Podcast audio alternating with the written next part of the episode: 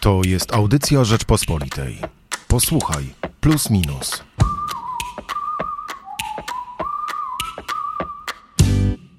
W najnowszym magazynie Plus Minus sporo do poczytania, czyli teksty na weekend. Z jednej strony Piotr Zaręba przygląda się temu, jak PiS e, walczy tak naprawdę w okopach Zbigniewa Ziobry, czyli o politykach Solidarnej Polski pisze, którzy grożą, że ich e, reakcja na przeforsowanie ustawy e, likwidującej Izbę Dyscyplinarną Sądu Najwyższego może być tylko jedna – domyślamy się jaka. Jędrzej Bielecki przygląda się temu, co się dzieje na wschodzie, tuż za naszą wschodnią granicą, w tekście otoczeni, ale gotowi na starcie, a Jacek Borkowicz trochę bardziej metafizycznie polemizuje z e, Tomaszem Terlikowskim, który w zeszłym tygodniu, w poprzednim magazynie Plus Minus pisał o e, tym, że papież e, Benedykt XVI mógłby tak po prostu po świecku przeprosić e, e, ludzi, którzy czują się skrzywdzeni jego zachowaniem w sprawie e, pedofilii. W kościele. Dalej Robert Kostro z okazji stu, stulecia tak naprawdę urodzin Władysława Bartoszewskiego pisze, że chciałby tak naprawdę, życzyłby sobie tego, żeby Bartoszewskiego odzyskać jako patrona racjonalnej obrony naszego spojrzenia na historię, który potrafi celnie zadawać ciosy, zachowując szacunek dla przeciwnika. To wszystko w tekście ambasador polskich racji. Na kulturze Jacek Cieślak w tekście, który chyba już tytuł tytułem zdradza o co w nim chodzi. Zdejmij stanik lub kończ karierę.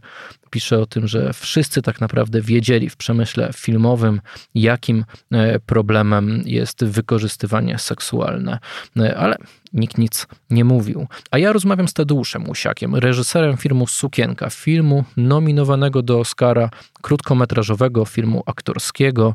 E, Tadeusz Łysiak sam odkreśla z film Sukienka, że jest jak Adam Małysz. Dlaczego? No, zapraszam Państwa do magazynu Plus Minus. No ale mamy też danie główne, temat numeru, czyli jak spojrzą Państwo na okładkę, to tam dwóch dżentelmenów próbuje ugryźć jedną kiełbasę, a tam mamy hasło gotowi na lata chude. To wręcz jest pytanie, więc raczej bym powinien, powinienem przeczytać gotowi na lata chude i o tym zaraz porozmawiamy. Plus minus. A ze mną jest już Artur Bartkiewicz, publicysta Plusa Minusa. Cześć. Cześć, witam serdecznie.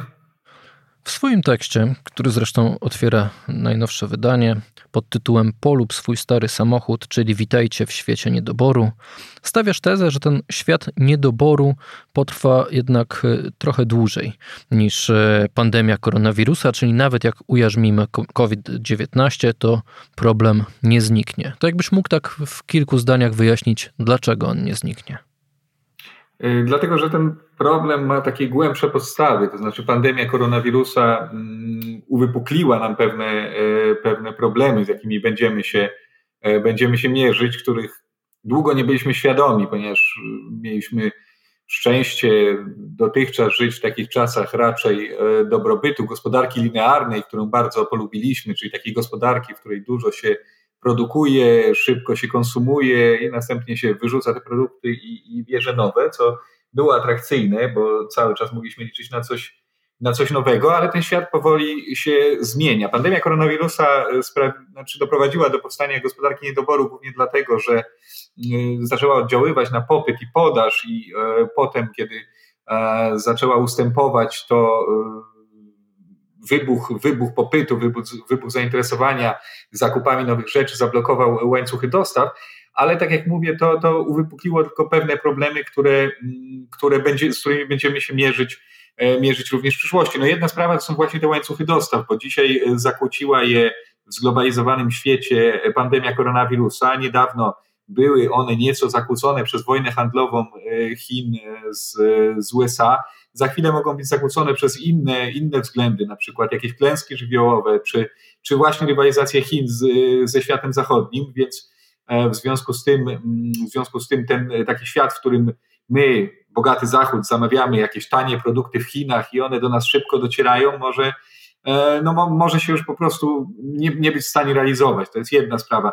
Druga sprawa to ogólny wzrost, wzrost kosztów, kosztów produkcji, kosztów wytwarzania związany z, z bardziej ekologiczną gospodarką, z przejściem, z tą zieloną transformacją, którą przechodzimy, która docelowo nie musi się wiązać ze wzrostem kosztów produkcji, ale to dopiero docelowo w okresie tej transformacji, przechodzenia na, na zieloną energię już widzimy, że, że z, takim, z takim wzrostem, wzrostem kosztów się, się wiąże. Po trzecie jest kwestia ograniczoności zasobów i tego, o czym od dawna mówią ekolo, ekolodzy, czyli o tym, że musimy przejść na bardziej, zróżni, najbardziej zrównoważoną gospodarkę, to znaczy taką, w której jednak przy rosnącej liczbie mieszkańców e, naszej planety nie będziemy cały czas tylko konsumować i wyrzucać, bo w końcu zabraknie miejsca i na to, co wyrzucamy, i zabraknie e, tego, tego z czego produkujemy to, co wyrzucamy. I te, te wszystkie czynniki sprawiają, że do takiej do takiego świata, w którym być może musimy trochę dłużej poczekać na nowy samochód, być może musimy zrezygnować z zakupu jakiegoś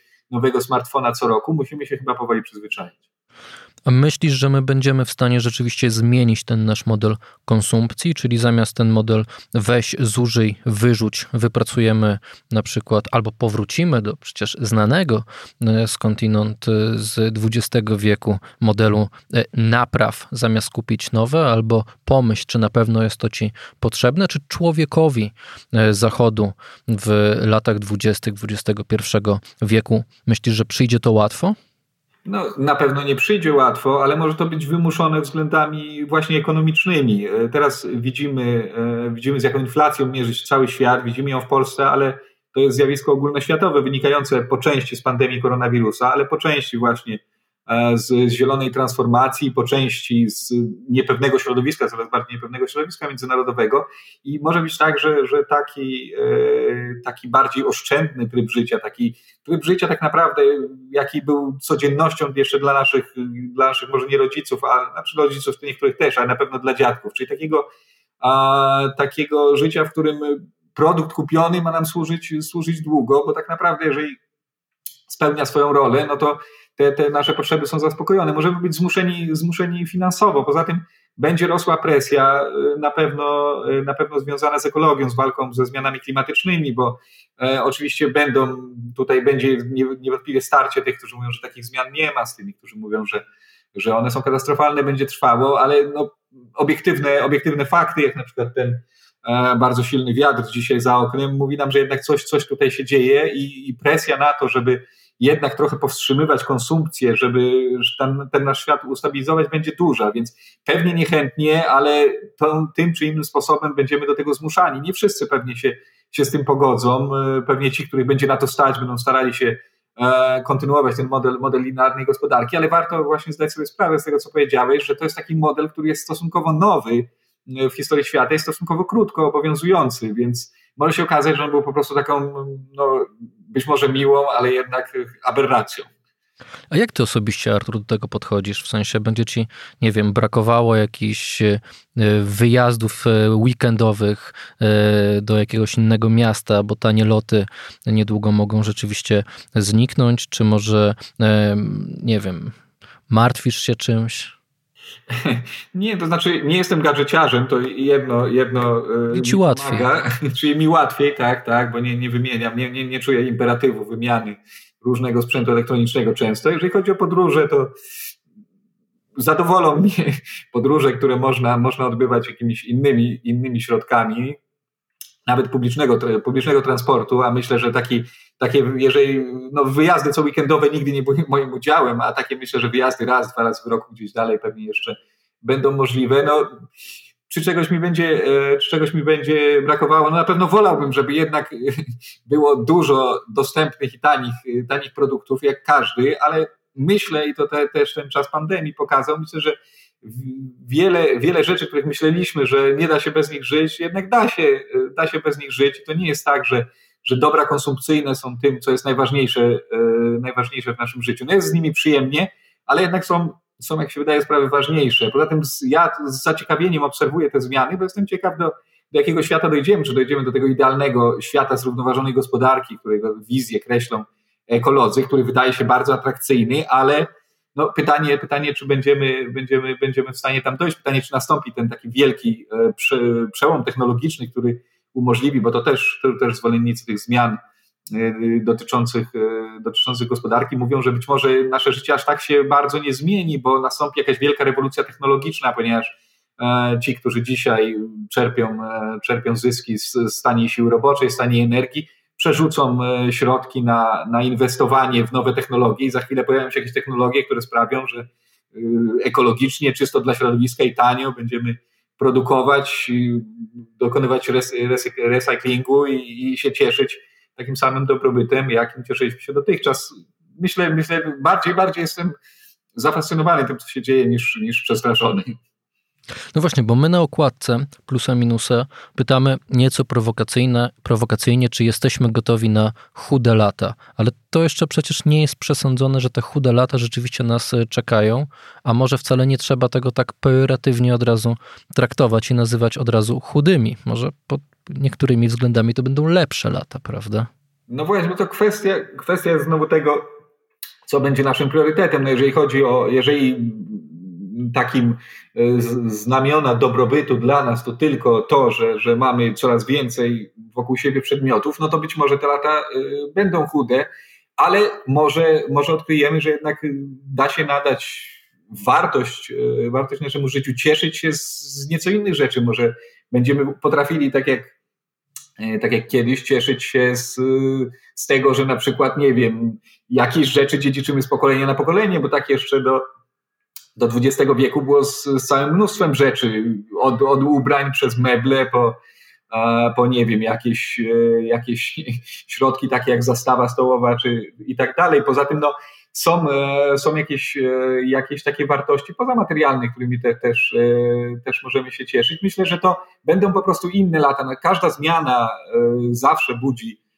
budzi niepokój, czego nie, nie muszę mówić czytelnikom konserwatywnego, raczej plusa minusa i to jest z, z, zupełnie naturalne. Natomiast nie zawsze musi być to, to zmiana na, na gorsze, zwłaszcza jeżeli miałaby na przykład przynieść e, korzyści ekologiczne, to znaczy to, że jednak wstrzymalibyśmy e, ten proces zmian ocieplania klimatu i, no i ustabilizowali nieco sytuację pod tym względem. No, masz rację. Konserwatywne plus minus, dlatego my z konserwatywnego punktu widzenia od dawna przyglądamy się konsumpcji i zastanawiamy się, czy rzeczywiście ta konsumpcja to daje nam szczęście. Więc może warto podejść do tej zmiany, która nas czeka, z trochę takim większym dystansem i bardziej refleksyjnie. Rozmawiałem z Arturem Bartkiewiczem. Dzięki uprzejmie. Dzięki wielkie. Autorem tekstu Polub swój stary samochód, czyli Witajcie w świecie niedoboru, a jeszcze zdradzę, że w tak zwanym daniu głównym magazynu Plus Minus e, mamy też dwa inne teksty. Bogusław Hrabota pisze o tańcu życia i śmierci z Maltusem w tle, czyli o świecie, e, który nas czeka także, ale czy on rzeczywiście e, będzie światem takiej maltuzjańskiej idei nie tylko niedoboru, ale w ogóle przeludnienia ludzkości, a Hubert Ko Kozioł pisze o wąskim gardle cywilizacji cyfrowej. Tym wąskim gardle, gardłem z jednej strony oczywiście e, jest transport z Chin, no a z drugiej strony chodzi oczywiście o tak zwane metale ziem rzadkich, o których zresztą Artur Bartkiewicz też kiedyś w Plusie Minusie pisał bo to jest temat, któremu się od dawna przyglądamy. Zapraszamy w takim razie Państwa do kiosków oraz już w sobotę na stronę www.rp.pl. Bardzo dziękuję, do usłyszenia. Słuchaj więcej na stronie podcasty.rp.pl. Szukaj Rzeczpospolita Audycje w serwisach streamingowych.